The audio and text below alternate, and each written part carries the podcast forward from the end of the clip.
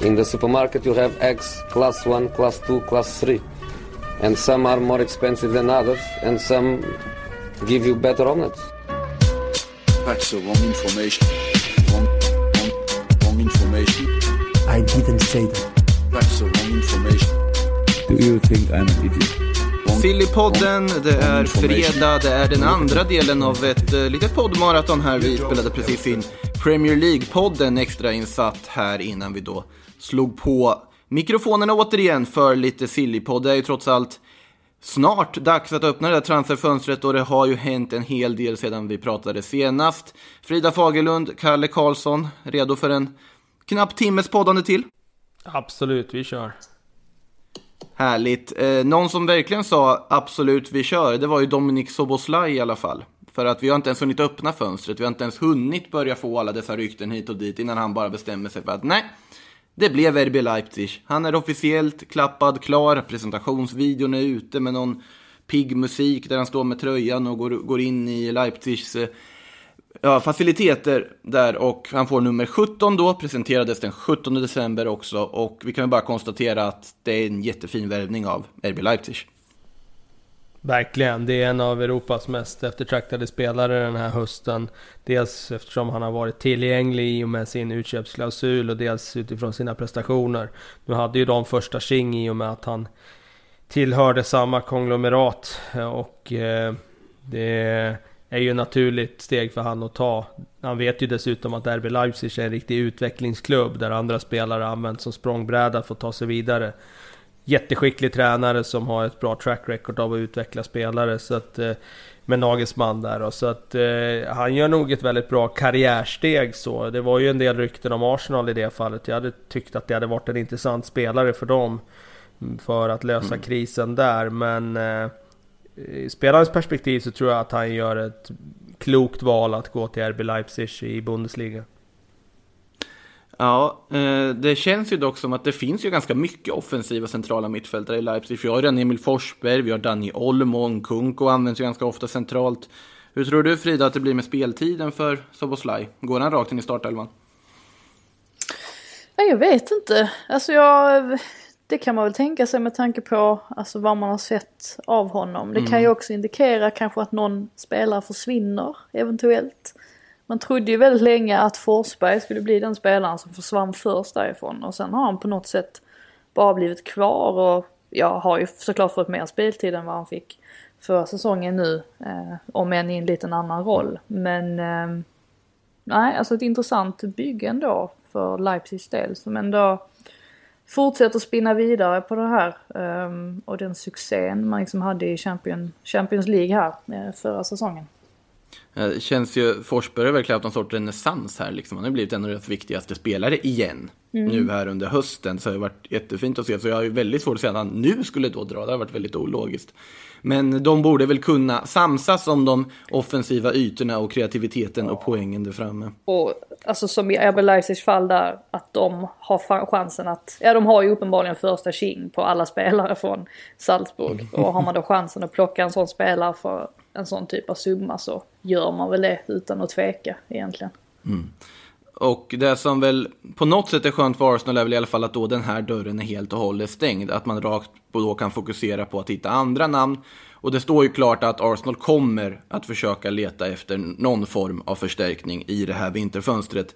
Eh, sportchef Edo har varit ute och pratat med media igen, där han då konstaterade att vi behöver en spelare med kreativitet på mitten. Vi har inte det i truppen just nu. Eh, ganska rejäl diss mot eh, Dani Ceballos och andra att säga att vi inte har en kreativ spelare på mitten. Men, eh, men eh, oavsett, kontentan är ju att det stämmer ju. Man behöver ju någon form av nummer 10, man behöver någon form av ja, offensiv ja, kreatör som kan liksom skapa chanser, sätta Aubameyang i de här lägena som man inte har fått så ofta och så vidare. Eh, första frågan jag ställer då till er är, om ni fick välja, vem skulle ni ta in? I Arsenal. Tänk någorlunda rimligt och säg inte typ Messi eller någonting. Alltså, om man ska nu ta en jätterealistisk värvning ja. som väl fortfarande kan bli av och som det fortfarande pratas om, det är ju Awar. Mm. Um, vet, problemet för Arsenal just nu är ju att de trots allt ligger så långt ner i tabellen. det är ju ingen attraktiv miljö att anlända till som spelare just nu. Så att det kommer att göra att deras utbud minskar automatiskt. Och dessutom har de inte sådär jättemycket pengar att röra sig med heller. Så att, ja, det är ingen lätt situation heller för deras del. Nej. Kalle, känner du också att Jose Mawar, om det nu skulle vara möjligt, skulle kunna vara bra alternativ? Ja, nej, men jag delar Fridas uppfattning om att det är ingen lätt situation om man inte har en kappsäck med pengar nu och bara ösa eh, ur. Om man dessutom inte är superattraktiv. Jag menar, ta ett par år tillbaka, då hade man ju kunnat tänkt att Arsenal hade kunnat fått loss en sån spelare som James Madison från, från Leicester. Men att han skulle gå dit nu, det känns ju helt, eh, alltså helt verklighetsfrånvänt. Det finns ju inte på världskartan. De har inte råd och de, han eh, har ingen anledning att gå dit heller när Leicester kämpar om Champions League-platser i nuläget. Så att... Eh, jag tror att man får gå på den typen av fynd i ligan. Och då är väl Oawar en av dem som skulle kunna vara aktuell eftersom han var det i somras. Um, ja, jag, jag, jag har inte koll riktigt på vilka mer sådär fyndspelare som, som det skulle kunna vara. Jag tyckte Szoboszlaj var ett, ett bra eh, Verkligen. val för Arsenal. Mm. En spelare som skulle, om inte då Red Bull-kopplingen hade funnits, kanske faktiskt hade kunnat tänka sig att ta flytten till Arsenal för att sätta liksom sin prägel på den här flytten. Vet att han kommer få speltid och alltihopa. Och dessutom är verksam främst i just den här centrala offensiva rollen, en poängspelare. Nej, svårt läge som sagt, men likväl ska det ju ryktas in och eh, den senaste kanske i raden av de här tiorna som ryktas in är ju Isco från Real Madrid. Eh, för enligt Daily Mail så ska då Arsenal vara en av klubbarna som är med i racet om Isco som sedvanligt ryktas bort från Real efter att inte fått särskilt mycket speltid. Har väl figurerat i tio matcher den här säsongen, om man då räknar med inhopp och så vidare, och har väl gjort intryck i max en halv av dem. Eh, Arsenal är i alla fall då med i racet. Juventus och Everton sägs också vara intresserade. Till att börja med, Isco. Hade det varit en matchning för Arsenal tror ni? En tveksam tystnad sprider sig här i den ja, studion. Nej, vänta på att du skulle ta den själv. Du är ju Spanien-expert så du har ju koll på Iscos alla förehavanden här den senaste tiden. Fast ni är ju England-experter så ni vet ju mer vad Arsenal behöver. Nej, men utan att försöka bolla frågan med varann här, hit och dit och så säger jag nej.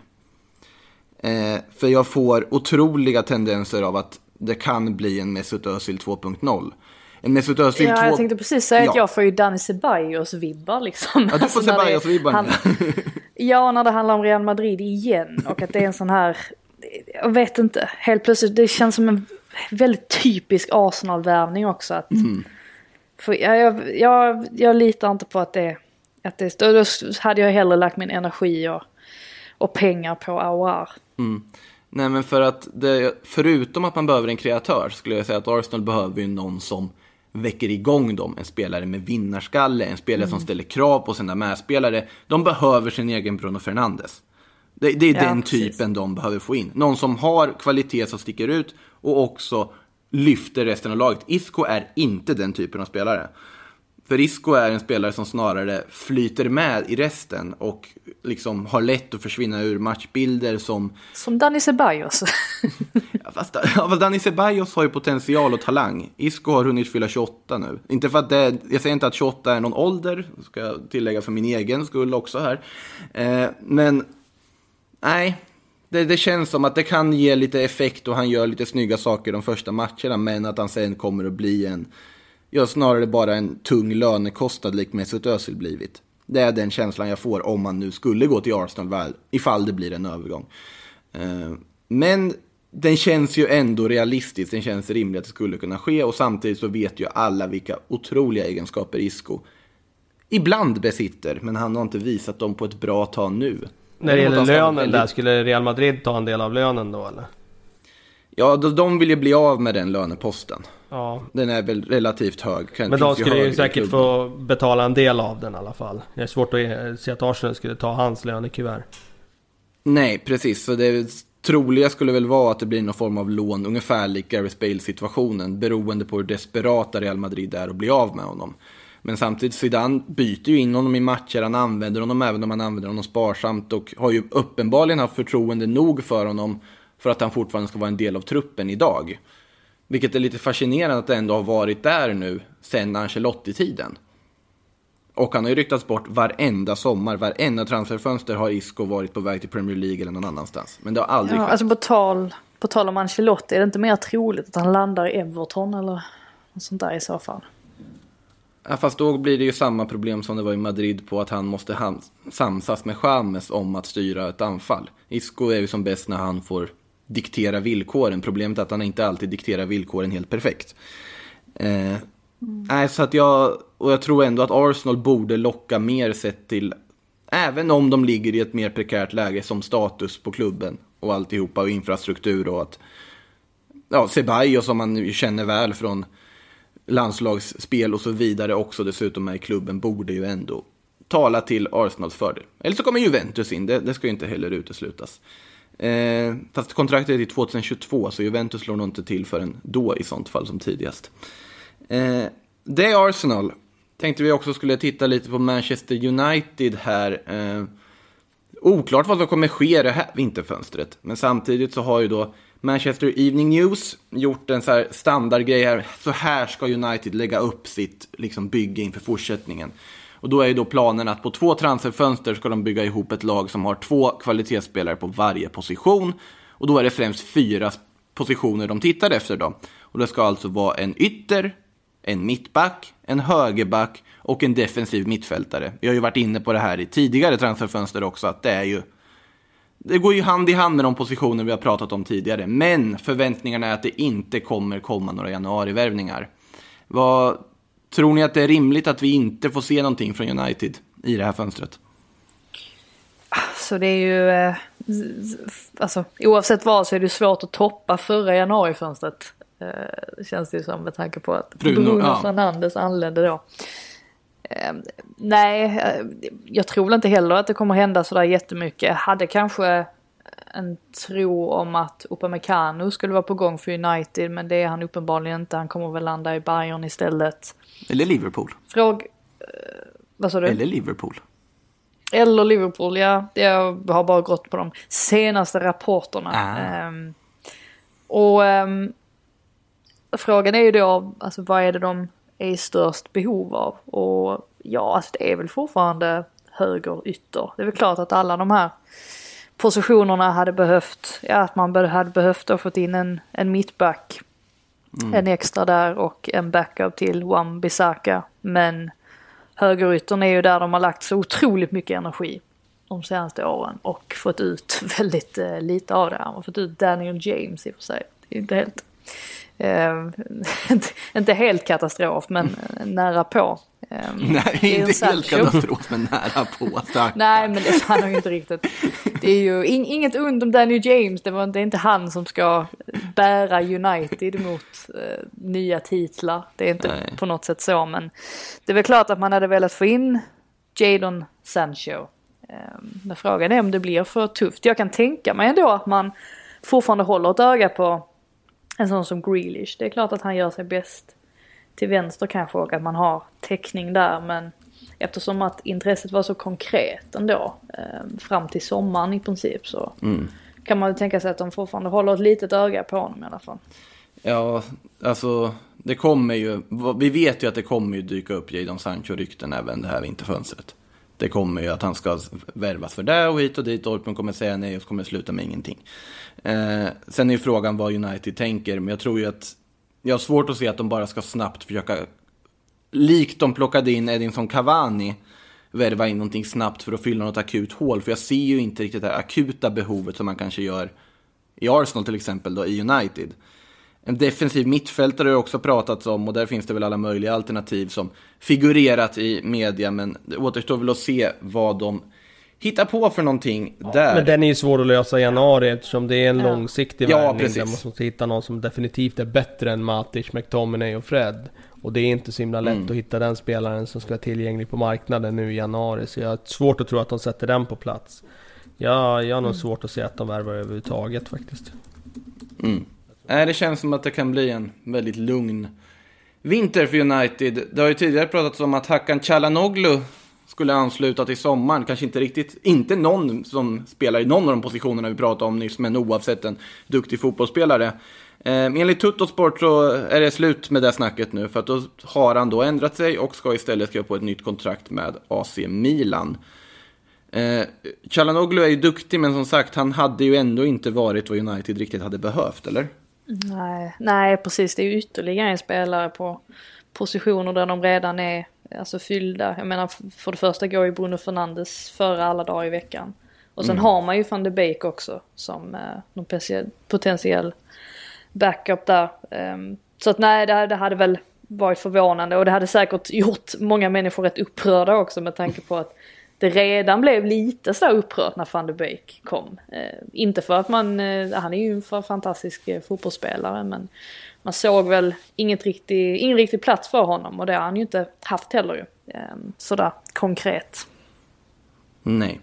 Eh, det har ju haft, han har haft tufft att få speltid, van de Beek, och sen har det ju också varit så att det funkar inte riktigt när Bruno inte är med. Oavsett, vi får väl se hur Ole Gunnar Solskär rattar ihop det där manskapet här i fortsättningen. Samtidigt i Liverpool så pratas det ju om Gini Wijnaldums vara eller icke vara i och med att han har ett kontrakt de är på väg att gå ut. Det har funnits ett öppet intresse från Barcelona, måste vara ett Barcelona utan någon form av ekonomiska medel för att genomföra en sån övergång redan nu känns det ju som. Eh, men de har ändå redan börjat prata ersättare i Liverpool och det är Ledic Sport i Frankrike som då menar att Renato Sanchez i Lille ses som en potentiell Wijnaldum-ersättare. Och då ska ju tilläggas att det här är inte Renato Sanchez som misslyckades på lån i Swansea en gång i tiden, utan det är Renato Sanchez som har utvecklats ganska mycket sedan dess. Jag tycker spontant att det känns som en utmärkt ersättare om det nu skulle bli ett läge man måste ersätta Wijnaldum. Det är inte Renato Sanchez som när han var i Swansea passade en reklamskylt istället för att passa en lagkamrat. Det är det du, Nej, det är exakt. Det, det, är inte, det är inte den Renato Sanchez som man då tittar på Ah, just nu, utan det är... Nej, det, det är ju så att han har ju verkligen hittat tråden igen och varit oerhört bra vad jag förstår de senaste eh, månaderna, eh, halvåret. Så att det här är ju en spelare som absolut hade kunnat varit intressant för Liverpool eh, som ersättare för Wijnaldum. Men jag är svårt att se att det skulle bli redan i, i januari eftersom som du säger där Barcelona har ju inga pengar. Och eh, därför tror jag att det spricker på att antingen så signar han nytt kontrakt med Liverpool, vilket han inte verkar göra. Eh, eller så går han gratis i sommar för att få en ny utmaning eh, i Barcelona då. Eh, och då kommer de ju vänta med den här ersättaren tills dess, det är jag rätt säker på. För nu får de ju tillbaka också Lade Chamberlain och sådär. Så de står inte och faller i de positionerna. Mm. Och för Wijnaldums del så är det ju också så att mycket om huruvida han kan gå gratis till Barcelona beror ju på om Koman sitter kvar. För jag tror att om Ronald Koman skulle försvinna innan dess och du får in en annan tränare på den bänken så är det nog ganska stor chans att man då inte kanske är lika intresserad av att värva Gini Wijnaldum någon mer. Ja, Även om han är en bra fotbollsspelare så. Det kan vara så. Eh, ganska många spelare för övrigt vars kontrakt går ut här nu sommaren 2021. Vilket ju kan ändå uppmana till ganska trevligt och intressant januarifönster i och med att det är många klubbar som behöver sälja av för att få någon form av ekonomisk avkastning på de här spelarna som annars skulle lämna gratis. Och eh, många klubbar kommer ju titta på just spelare med utgående avtal. Inter bland annat sägs ju göra det i alla fall och de tittar framförallt på försvarare. Och då är det ju mittlåset som de vill förstärka. Namnen som dök upp här i Tuttosport är ju inte de som man... Man slår inga frivolter av att titta på den här gruppen och mittbackar direkt. Eh, Shkodran Mustafi, Nikola Maximovic, Fabian Schär, Jerome Boateng och Aisa Mandi är Oj. några av namnen.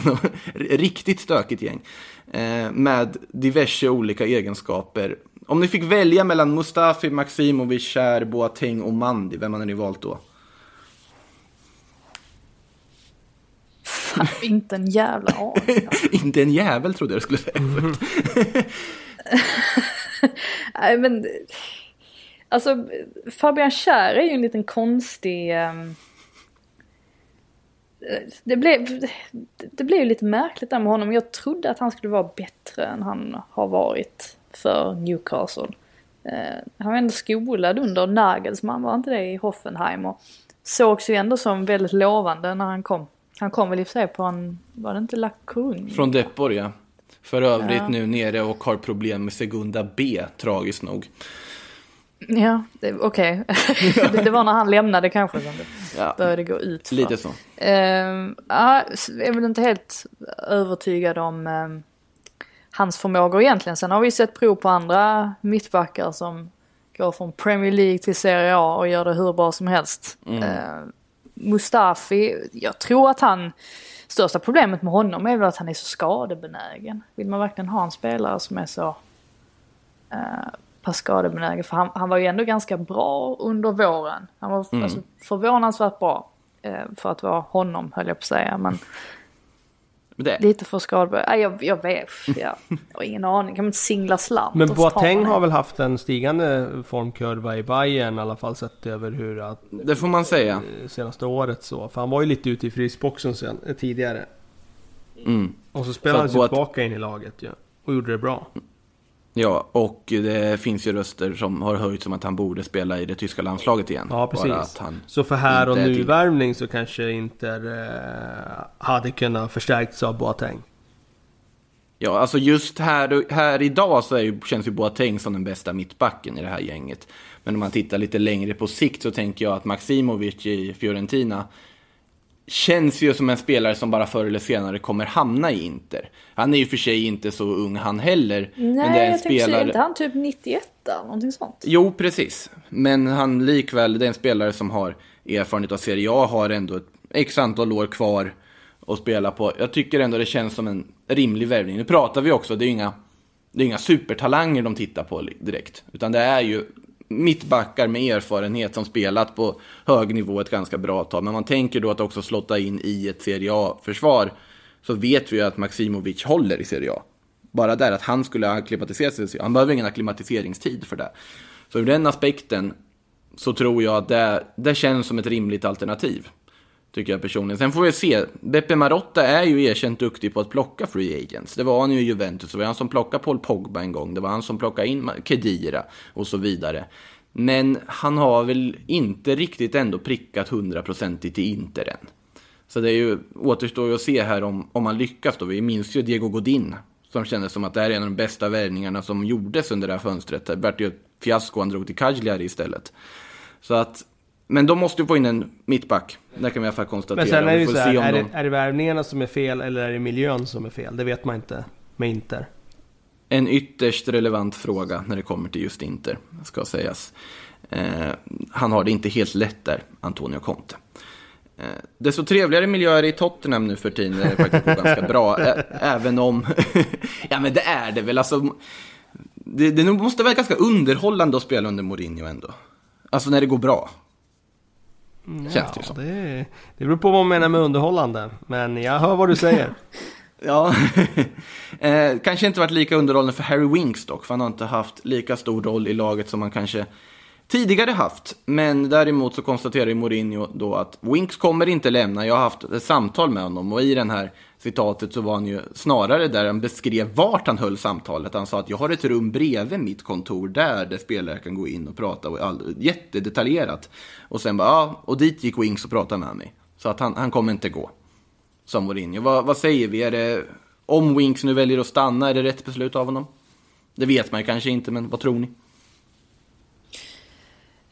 Ja, alltså visst det är mycket matcher nu och sånt ju. Eh, Men eh, just nu har man ju svårt att se honom gå före, alltså Någon. ja, Höjbjerg definitivt, men Cissoko också. De har gjort det väldigt bra.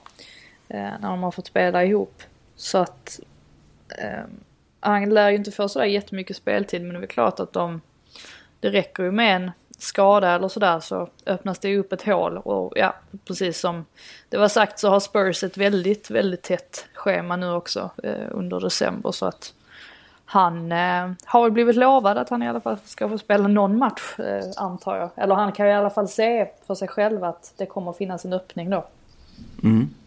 Eh, samtidigt i Manchester så får vi se om Daniel James har fått något liknande löfte eller om han kanske flyttar på sig för att få speltid. Enligt Telegraph ska i alla fall Leeds vara intresserade av att låna in honom. Och det tycker jag känns som en perfekt lånevärvning. Eller? Ja, man kan ju verkligen Alltså, se att det- han hade passat i deras sätt att spela med den farten och de antal maxlöp han klarar av att göra. ha honom där på kanten och sen kanske sätta Harrison eller Costa på andra då och sen bara köra liksom. Jag tror, nej det, det hade varit väldigt fint att se. Så den, den kan man ju hoppas lite på för Daniel James utvecklings skull och kanske även för Leeds skull. Att, den, att det inte bara blir en uppgift utan också blir någonting konkret. Eh, han vill dock inte ha ett liknande lån som Takifusa Kubo har haft i Villarreal hittills. Det, det är nog inte förhoppningen. Eh, japanske supertalangen som tillhör Real Madrid då, och eh, gjorde det strålande i Mallorca förra säsongen. Gick ju på lån till Villarreal för att spela under Unai Emery för att ta nästa kliv. Men samtidigt så har ju Emerys sejour nu i Villarreal hittills handlat om, ja men det är bra resultat, men du har samtidigt på alla saker du säger så har du 30 arga Madrid-supportrar som frågar varför Kubo inte får spela. Eh, för att han har inte fått spela så mycket, men sen i ärlighetens namn har han heller inte levererat särskilt mycket väl när han har fått chansen. Inte riktigt hittat rätt då i ett Villarreal som är ganska svårt att slå sig in med ganska många duktiga offensiva spelare som Moreno, Chukwese, Moy Gomez och så vidare. Eh, men det sägs ju att han ska byta lånedestination till Getafe istället nu i vinterfönstret. Och det hade ju varit någonting som liksom fotbollsfilosofiskt hade gått bara rakt emot vad Takufusa Kubo står för som spelare. Eh, vad, vad, tycker ni annars om så här spelare, bryta lån och byta klubb för att man inte riktigt lyckas få speltid? Tycker ni att det är ett bra väg att gå eller känns det som att, ja men, bit ihop och försök att spela till dig din plats istället? Om man frågar liksom rent generellt. Ja, det är ju svårt att svara på det rent generellt. Alltså det blir ju ändå mm. att det blir en fråga om hur situationen har tätt sig. Hur djupt in i frysboxen man är och så vidare. Det är väldigt svårt att säga rent generellt och var man är i karriären och hur förra säsongen har sett ut och sådär. Alltså har man spelat mycket matcher tidigare så kanske man inte är så behov av matchen och då kanske är nivån man är ute efter. Jäkligt svårt mm. att säga sådär rent generellt. Man får titta på varje enskilt fall. Jag känner inte till mm. det här fallet sådär i detalj liksom hur det ser ut. Du har väl Nej. lite bättre koll på? Ja, Kubo är ju en spelare jag har väldigt god koll på. Eh, av förklarliga skäl. Eh, men det känns ju som att om han ska nå de höjder som man förväntar sig han ska göra. Då är det på något sätt en, ett hinder han måste passera här. Han måste se till att bevisa så pass mycket på de chanser han får att jag ska vara en startande spelare, du kan inte bänka mig. Och att då göra det under en tränare som Unai Emery, som rent på erfarenhet då oftast inte gillar att spela lånespelare. Jag minns ju det att han, när han i Sevilla, när han var där, så hade han ibland Gerard Delofio på lån under slutet av säsongen och val, vägrade ju spela honom i slutet. Helt enkelt för att ja, men det är inte min spelare, varför ska jag utveckla den här spelaren? När vi, och då är det bättre att ge mina andra spelare som jag vet att jag kommer behålla, att ge dem speltid istället. Så det är ju en ganska svår tränare att övertala om du är en lånespelare, för han ser ju oftast lite lägre på lånespelare än vad han gör på liksom spelare som klubben själva äger.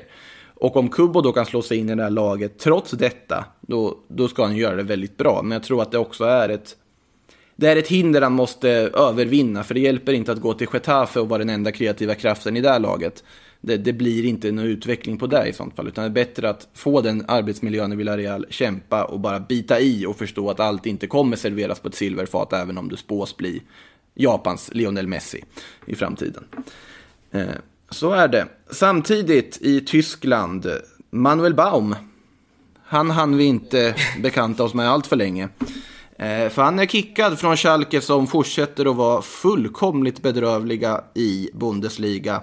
Alltså andra tränaren för säsongen. Wagner röker tidigare här och nu också Baum sparkad från Schalke. Hub Stevens kommer in som en räddande ängel, fast bara på interimlösning året ut. Hur många tränare tror du man kan kicka på en säsong? Det, alltså, Fråga Samparini.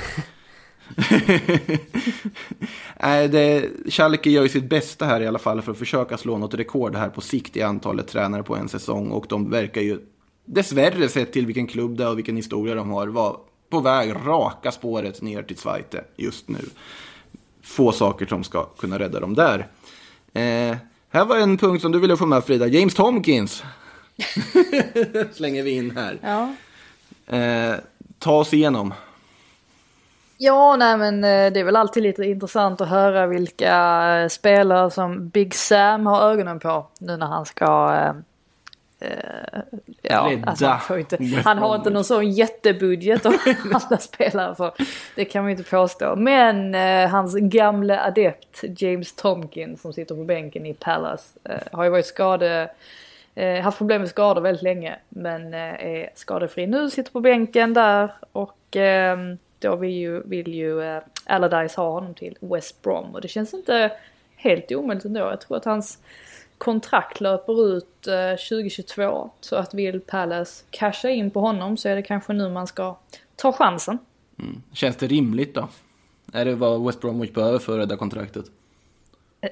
Eh, alltså, de eh, hade väl först och främst kanske behövt någon riktig eh, striker hade man kunnat tänka sig. Men att eh, täta till försvaret är ju Allardyce specialitet. Så att det är väl där han, eh, han börjar bakifrån helt enkelt. Mm. Eh, samtidigt eh, kan vi också konstatera att, eh, minns, alltså när jag såg det här ryktet så tänkte jag så här, är Yannick Bolassi kvar i Everton? För det hade man helt förträngt att han var så frysboxad som han har varit. Eh, kom i alla fall uppgifter att han funderar kanske ska gå på ett lån till Middlesbrough då Neil Warnock är väldigt intresserad av att plocka in honom. Vad tror ni, kan Yannick Bolassi fortfarande leverera eller har han, kommer det ta för lång tid att tina honom för att han ska göra någon, någon hjälp för Middlesbrough som jagar att ta sig upp till Premier League igen? Det är så svårt att bedöma hans nivå. Jag ser att hans senaste match här var med Kongo mot Angola här i november i Afrikanska mästerskapskvalen. Så spelar Var han mot bra då, Kalle? Har du koll på det? Förlåt? Var han bra i den matchen? Det är oklart. Jag kan gå in i och för sig och kolla hans stats här. Om du, om du verkligen vill så kan jag gå in och kolla hans stats här. Han spelade 81 Jag- jag- minuter i den matchen. Han hade totalt 61 aktioner. Tre skott varav noll på mål.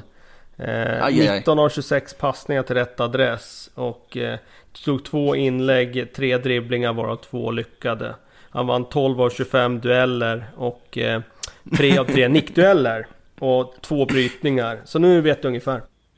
Det här är ju precis den content alla är inne för. Ja, för nej att men du bad om det Bolassis så då tänkte jag då stats går från- vi Ja, all ja, in. ja, Du skulle inte ha bett om det. Gav, det gav mig något, jag känner det. Det ska ju ändå sägas att Middlesbrough ligger ju ganska bra till i tabellen ändå. Alltså Mm. Norwich har ju verkligen kopplat greppet. Men äh, ja, 10, 10 poäng bakom. De har inte sådär jättemånga poäng. Vad är det? Två, två poäng upp till Brentford på eh, kvalplats. Så att... ehm, ja. Känns ju inte Warnock-kompatibelt direkt. Alltså Bolassi. Det känns inte riktigt. Alltså hans melodi. Att en liksom teknisk duktig spelare som kanske främst liksom levererar offensivt på det sättet. men det Nej kan ju men alla sådana som... där tränare har ju ibland eh, plats för en sån. Som bryter mönstret. så är det ju. Så är det ju. Eh, samtidigt innan vi går vidare på lite lyssnarfrågor som dimpt ner här ska vi konstatera att vi har en ny svensk i England. Cecilia Musovic klar för Chelsea. Faktiskt. Kom ju här nu precis nyss, eller hur Frida? Ja, nej men precis. Väldigt eh, mäktigt. Lite kul också att eh, Hedvig Lindahl ju var där som Musovic har slagits med väldigt länge i, eh, eller slagits med, hon har konkurrerat med henne om första platsen i, i landslaget. Eh, ja, det är mycket spännande och det är kul att se att eh, Chelsea eh, blir svensk klubb på nytt här. Eh, man var ju van väldigt länge av att ha tre svenskar där, så försvann Lindahl. Och nu är de tre stycken igen, så att eh, det är kul. Är det det som är gränsen för att få klassas som svensk klubb? Två räcker Ja, inte, men det måste, det måste vara tre.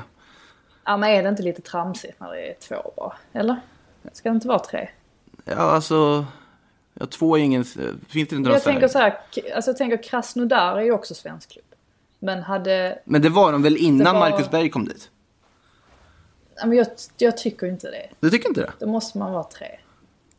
Eller som, eller som gamla Hansa Rostock Ja, typ Hansa 2000 Rostock det är verkligen svenskklubben nummer ett. det, var, det var ju en hel koloni Ja, av svenskar som hade samlats. Arvidsson, Jakobsson, Jocke Persson, Rade Pritcha. Rade Pritsa. Eh, Sen kom ju Albeck efter det sen. Ja, just det, Albeck var ju där också en sväng. Var han samtidigt eller hade Nej, någon hunnit nej, han kom efter sen. Ja. Men du hade, man hade ju till exempel aldrig beskrivit Brentford som en svensk Ja, klubb. men vi har gjort det Alltså, lite Brentford är grann ju- där. De hade Georgsson. Ja, men det är ju för de att det är så hade många danskar. Det är ju Ja, men Hammar. exakt, det är ju en skan- skandinavisk klubb kan jag köpa. Men alltså Ghoddos och Pontus Jansson i A-laget. Jag vet inte om det räcker ändå. Fredrik Hammar i U21 där typ. Jo, men det är det Har han jag gått i menar. Brentford? De... Ja, han har varit där länge. Där länge. Ja, det har jag helt missat. Eh, de, han, han måste liksom... Eh, jag tycker ändå att de... Ja, det krävs mer. för att få det Ja, men att jag skulle säga att- Jag tror... Uh, det värsta är att jag tror väl typ att jag skrev det i min intervju med Ghoddos, att jag kallade Brentford Ja, det är det jag menar. Det är det jag menar. Att den åker in ibland. Ja, men jag tycker det är en viktig diskussion ändå så att man liksom vet vad, Så att man vet. så man inte bara kastar runt med det där uttrycket för mycket. Alltså jag håller med, men Brentford blir ju en dansk klubb eller skandinavklubb på att det är så otroligt många danskar och då blir det liksom svenska antalet blir väldigt litet i jämförelse. Men Krasnodar så känns det ändå liksom, vi har inte riktigt koll på de andra i Krasnodar. Så det blir liksom att, ja, men du har, du har tre svenskar där eller två så är det ju en svensk klubb för det är väldigt få andra klubbar i den ligan som har lika många. Och Chelsea för mig har ändå varit en svensk klubb även när det ja, bara var Magda Eriksson och Jan Andersson där. Men ja, Ja. det är Ja. värt att fundera över eh, denna fråga. Viktigt det här med lingvistiska frågor och ta upp sånt ibland. Eh, sista grejen innan vi går på lyssnarfrågorna är att senaste uppdateringen i Papugate i Atalanta är att Atalanta ändå vill ha en transfersumma för Papu Gomes. Eh, dock en ganska blygsam sådan, så vi får väl se om det blir en övergång för då den argentinske trollkaren som gjort sig ovän med Gasperini och vill dra. Eh, och frågor har vi fått. Eh, Giovanni frågar, Torino ligger näst sist i ligan, om vi håller oss kvar i Serie A. Kan Belotti försvinna i januari och var hamnar han i så fall? Ja, någon gång gång ska väl. Belotti... Ja, någon gång ska väl Belotti dra, eller? Det, det, pratas, det har ju inte pratat lika mycket om någon på senare tid. Men förr eller senare så måste det bli något. Men säg, utan att ha någon form av eh, grund till det här eh, tipset, så Roma. På någon sorts lån med köpoption. Ja, var det inte det det snackades om då? Han var väl som hetast på just Silly-marknaden för typ två säsonger sedan. När det var, Var det United och allt. var? Var. det inte United? Ja men precis. Ja. Ja, men precis. Var Det det var, just, alltså, det var ju liksom de största Mm. här i England som hade koll på honom då. Ja, sen Men eh, Svanen. det känns väl rimligt. Rimligt. Eh, vad tror vi en bra klubbadress för Origi skulle vara då? För det frågar Marcus Rudholm. Ja, det snackas väl om Wolves va? Det gör det ju. Ehm, och eh, ja, alltså de behöver ju uppenbarligen en backup till eh, Jiménez har de väl insett nu som inte är ehm, tonåring och eh, oerfaren. Och ja, alltså det är ju en chans för Origi i alla fall att få en liten eh, nytändning. Tycker inte att han har tagit chansen alls de få möjligheter han har fått nu eh, att visa vad han går för under eh, hösten. Ehm, så att Nej, det hade varit en bra flytt för hans del i alla fall. Men är det det rätt för komma- Wolves? Ja, men exakt. Det är ju, där, det är ju därför jag stannar Ja. min mening där. Att det, jag är inte riktigt säker på det. För som sagt, han har inte sett så bra ut eh, under hösten. Måste ju komma ihåg att Origi är ju som bäst när det är en liksom Champions League-semifinal och han ska göra avgörande mål eller en final. Det är ju en big game player. Han ska ju inte vara bra fram tills det är stora matcher. Det är ju då han ska leverera. Eh, så att, Men jag tycker till och med han har, han har tappat den nuspen. men har de Eh, spelat några stora matcher väldigt- nog för liksom att... Nej, nej egentligen inte. Men jag baserar väl ganska mycket ändå på att han faktiskt fick chansen mot ett sånt lag som Mittjylland till exempel. Eh, där det borde ha varit ganska tacksamt för honom att ändå göra någonting. Men han var ju totalt osynlig där exempelvis. Så att, ja. Eh, vidare här, eh, flera frågor om Arsenal. Viktor Grannbrant frågar, vilken boxspelare över 1,95 ska Arsenal ta in? Eh, en spelare för varje kategori häpnadsväckande status och kvalitet. Menar han då tre olika targetanfallare? För det är ju också en position man kan diskutera om kanske Arsenal borde förstärka. Att de behöver ju en kreativ mittfältare, men att få in en riktig target på topp. Någon, alltså, Ja, alltså ska, ska de fortsätta slå inlägg som Arteta Som Ja, men- tycka är kul. vill? Ja, det är väl klart att det hade varit bra. Andy Carroll. tycker det är kul att slå inlägg.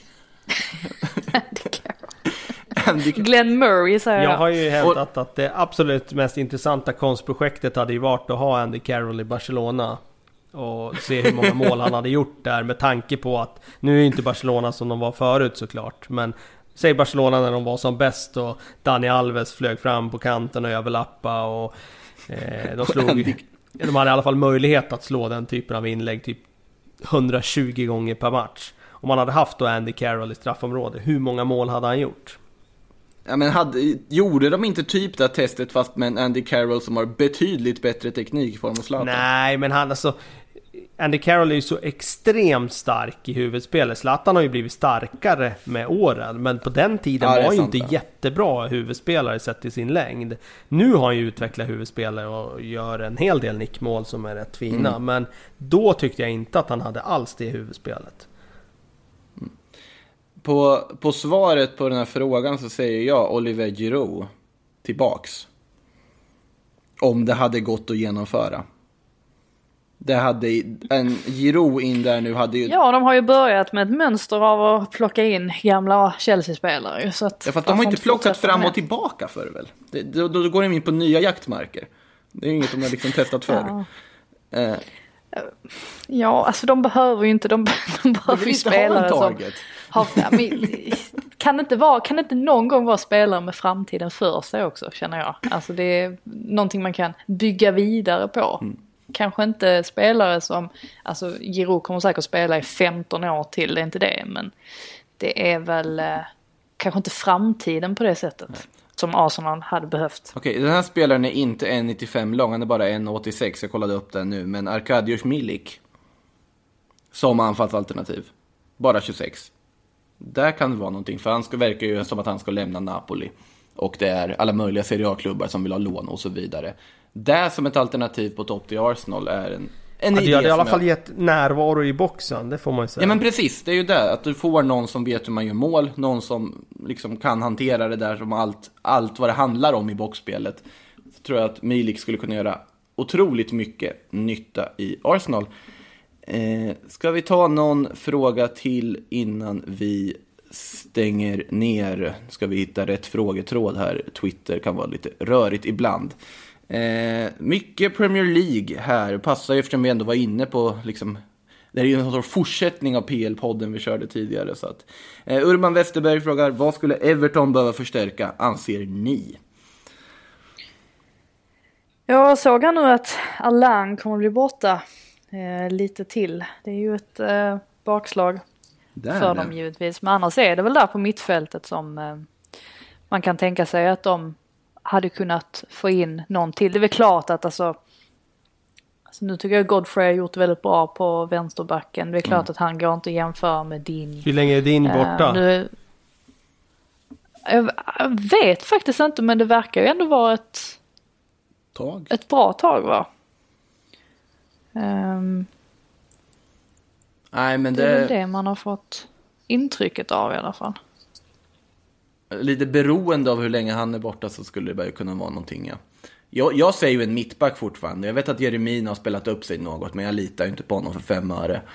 Eh, där känner jag att där kan man få in någonting mycket bättre. Någon med lite rutin som kan få ihop det. Nu har det som sagt ändå funkat bra så att jag drar ju lite efter halmstrån här. Men mittback till Everton tycker jag också hade varit rimligt.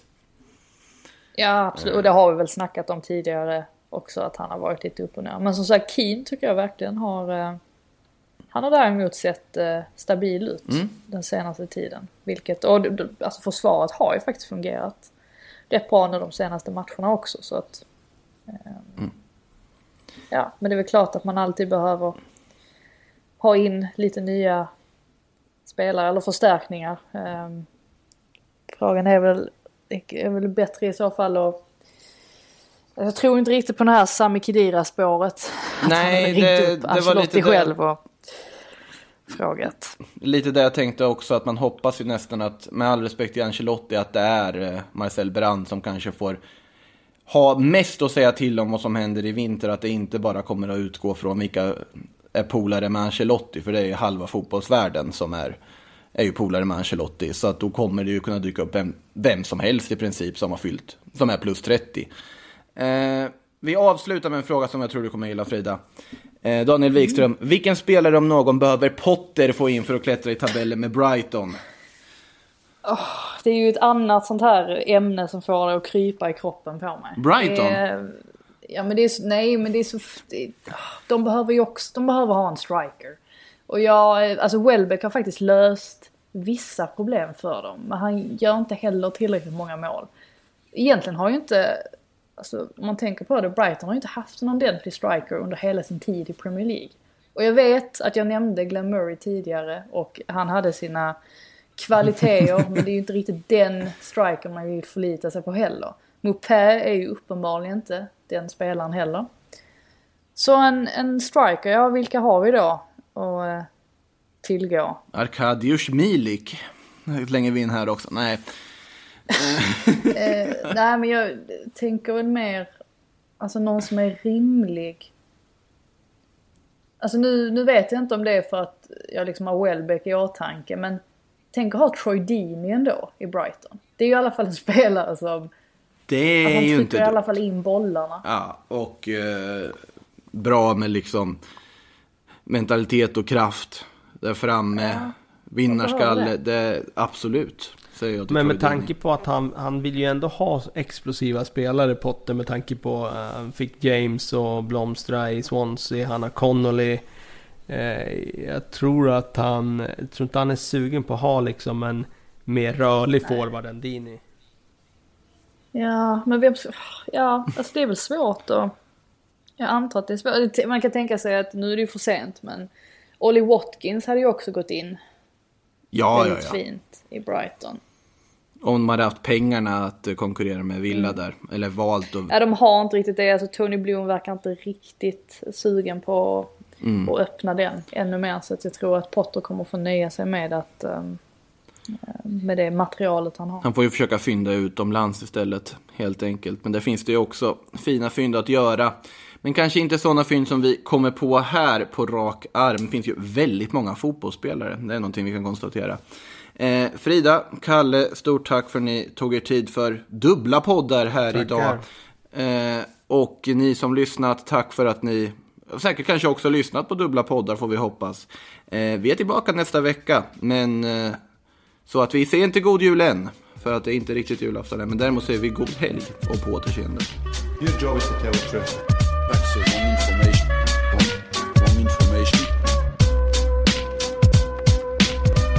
I think I worked for 16 years here in England, and I deserve a bit more credit than wrong information.